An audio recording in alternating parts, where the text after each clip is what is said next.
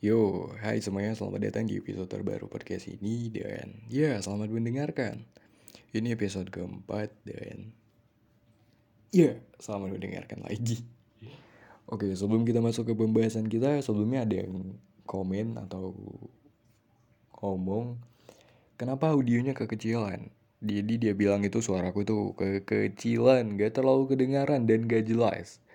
Ya gimana ya, ini ngerekamnya tuh cuman pakai handphone, aku nggak pakai mikrofon tambahan, hanya sebatang handphone aja. Ya mudah-mudahan ke depannya bisa lebih bagus lagi ya setupnya device yang aku pakai juga lebih bagus, ya didoain aja lah. Kalau nggak males juga. Oke, di episode kali ini mungkin kita bakal ngebahas mengenai, hmm, nggak tahu. Tunggu ada becak lewat ini ngerekamnya jam 3 pagi. Masih ada beca bayangin. Aduh oke. Okay. aku nggak tahu mau bahas apa hari ini karena uh, lagi nggak ada yang menarik buat aku. Mungkin kita bakal bahas random aja hal-hal yang cukup menarik tapi nggak terlalu menarik. Ya belakangan ini yang lagi hype banget itu tentang salam dari Binjai.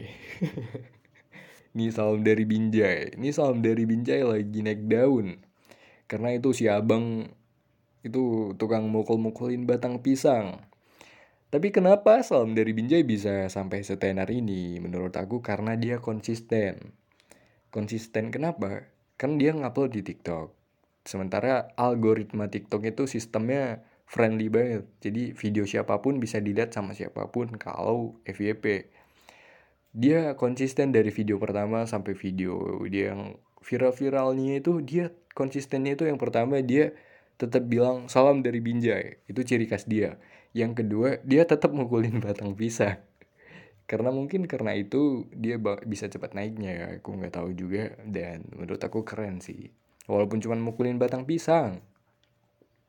Tapi salam dari Binjai udah udah keluar negeri ke mancanegara. Padahal Binjai sama Medan tempat aku itu jaraknya cukup dekat tapi aku belum pernah main-main ke Binjai.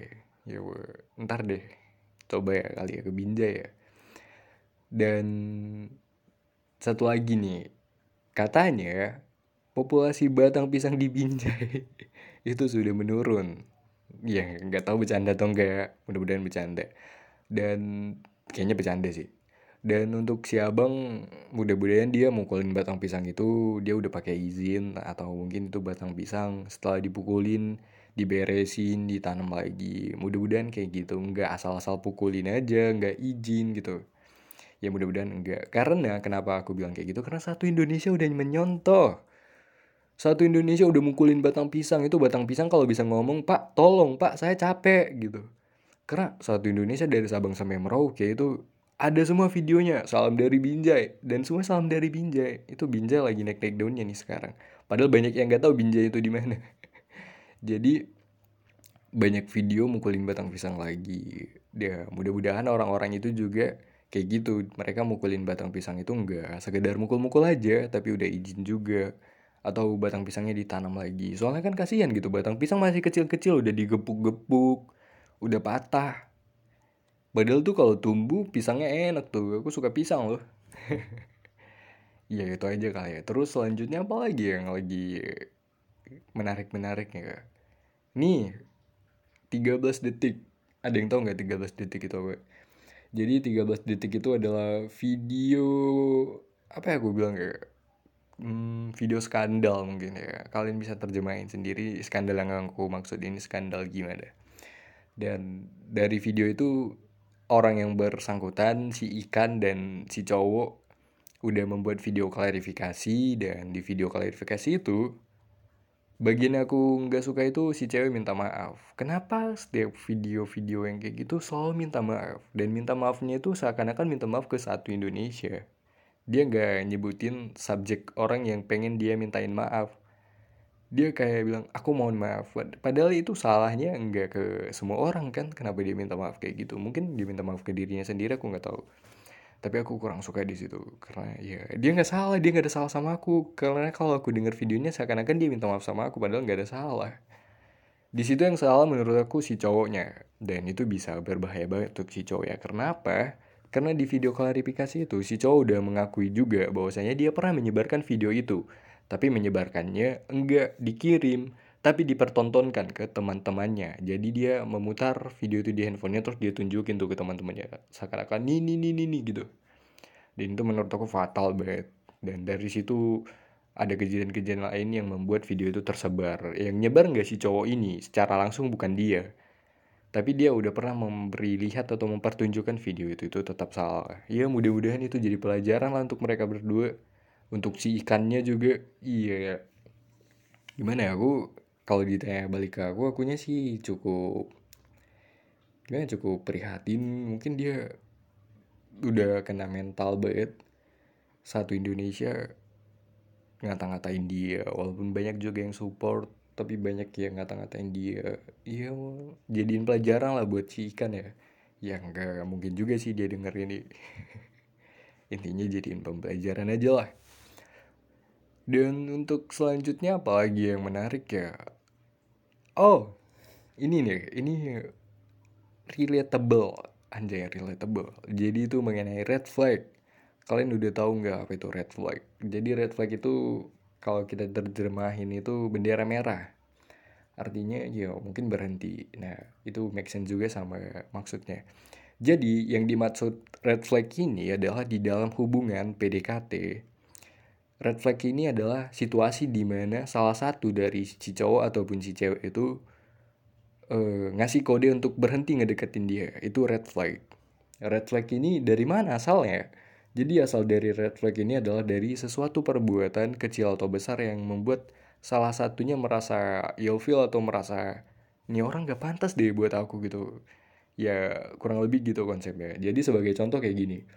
Misalnya si A dan si B. Si A ini uh, suka San Mori dan si B ini susah bangun pagi. Pagi lagi. Pagi. Jadi ketika si cowok ngajak-ngajak si cewek untuk San Mori karena si, si cewek susah bangun menurut dia itu red flag jadi dia udah deh kayaknya kita nggak cocok lu berhenti aja deketin gue nah itu red flag secara simpel lah atau mungkin aku pernah lihat parodinya jadi di parodi itu tentang bayar makanan. Jadi di video itu ada sepasang sejoli cowok dan cewek mereka lagi makan di restoran. Selesai makan si cowok ngomong mau aku bayarin nggak? Terus si ceweknya bilang e, nggak usah split bill aja. Terus si cowoknya bilang ya udah. Terus si ceweknya marah. Kamu jadi laki-laki nggak ada modal banget sih bla bla bla. Nah di video itu itu dimaksud red flag ya aku sebenarnya nggak tahu itu red flagnya dari mana. Cuman ya udah parodi ya kan? Jadi ya sebenarnya red flag ini ya ada sisi positif dan negatif ya. Sisi positifnya adalah kita jadi tahu. Kita kalau kita udah dikasih red flag nih kita udah tahu wah ini red flag nih dari si doi. Apakah kita bakal terus lanjut atau mungkin mundur aja? Kalau personal sih mundur aja lah.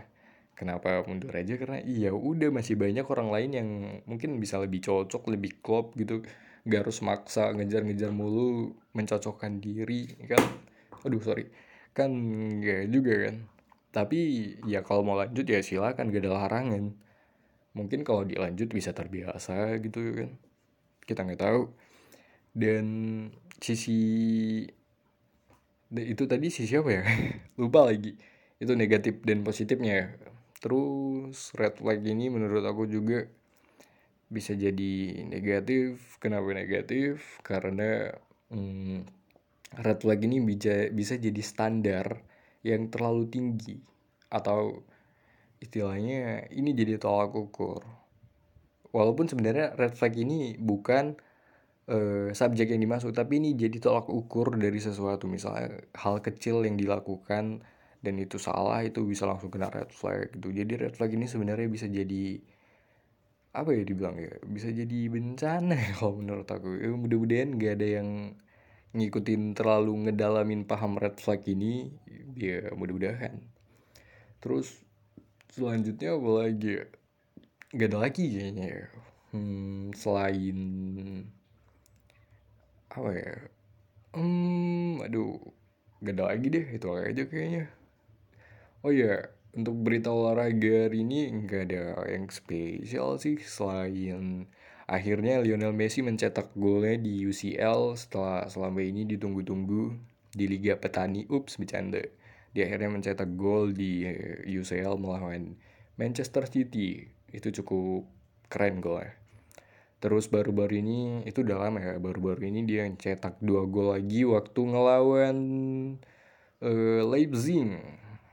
Leipzig atau apa ya yang dilawan sama dia. Sorry aku lupa apa klubnya. Pokoknya dia nyetak dua karena aku nggak nonton aku nggak nonton. Jadi aku nggak tahu dia lawan apa. Aku cuma ngecek skor pagi-pagi dan aku lihat dia nyetak dua dan aku lihat cuplikan gol-golnya atau highlightsnya di YouTube. Itu yang pertama golnya tuh gol umpan dari Mbappe asis dari Mbappe tuh golnya bagus. Dia gol dua touch gol pertama tuh masuk ngantem tiang tapi itu, itu udah ditunggul tapi dia maju lagi ngeyakinin tuh gol dia. Terus yang kedua gol penalti. Paneka.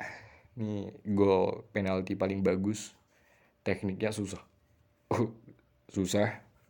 Dan dia berhasil. Terus aturannya dia hat trick tapi dia ngasih kesempatan penaltinya sama Mbappe. Dan ya nggak tahu lah.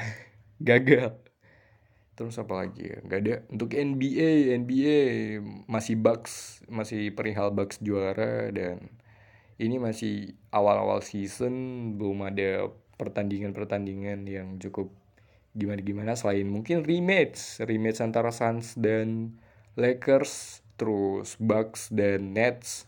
Itu di rematch aku nggak tahu kenapa. Kemarin aku lihat postingan di Instagram NBA official NBA itu dia ngasih lihat cincin kemenangan Glory of Ring dari Bucks. Itu keren banget cincinnya lebih keren dari punya Lakers. Klop banget warna hijau sama berlian itu. Keren sih bagus banget. Ya dan untuk squad NBA hmm, Westworldsburg Westbrook. Itu gabung Lakers. Mudah-mudahan Lakers bisa bangkit dengan hadirnya orang-orang baru. Dan Dwi Howard balik ke Lakers dan beberapa nama lagi seperti Rajon Rondo. Best center balik lagi ke Lakers. Mudah-mudahan bisa membangkitkan Lakers lagi. Selanjutnya ya udah itu aja berita dari olahraga. Aku nggak tahu mau ngobrol apa lagi. Mudah-mudahan kalian enjoy dengan pembahasan yang nggak tahu bahas apa ini. Dan Sampai jumpa di episode selanjutnya. Tetap jaga kesehatan dan sampai jumpa.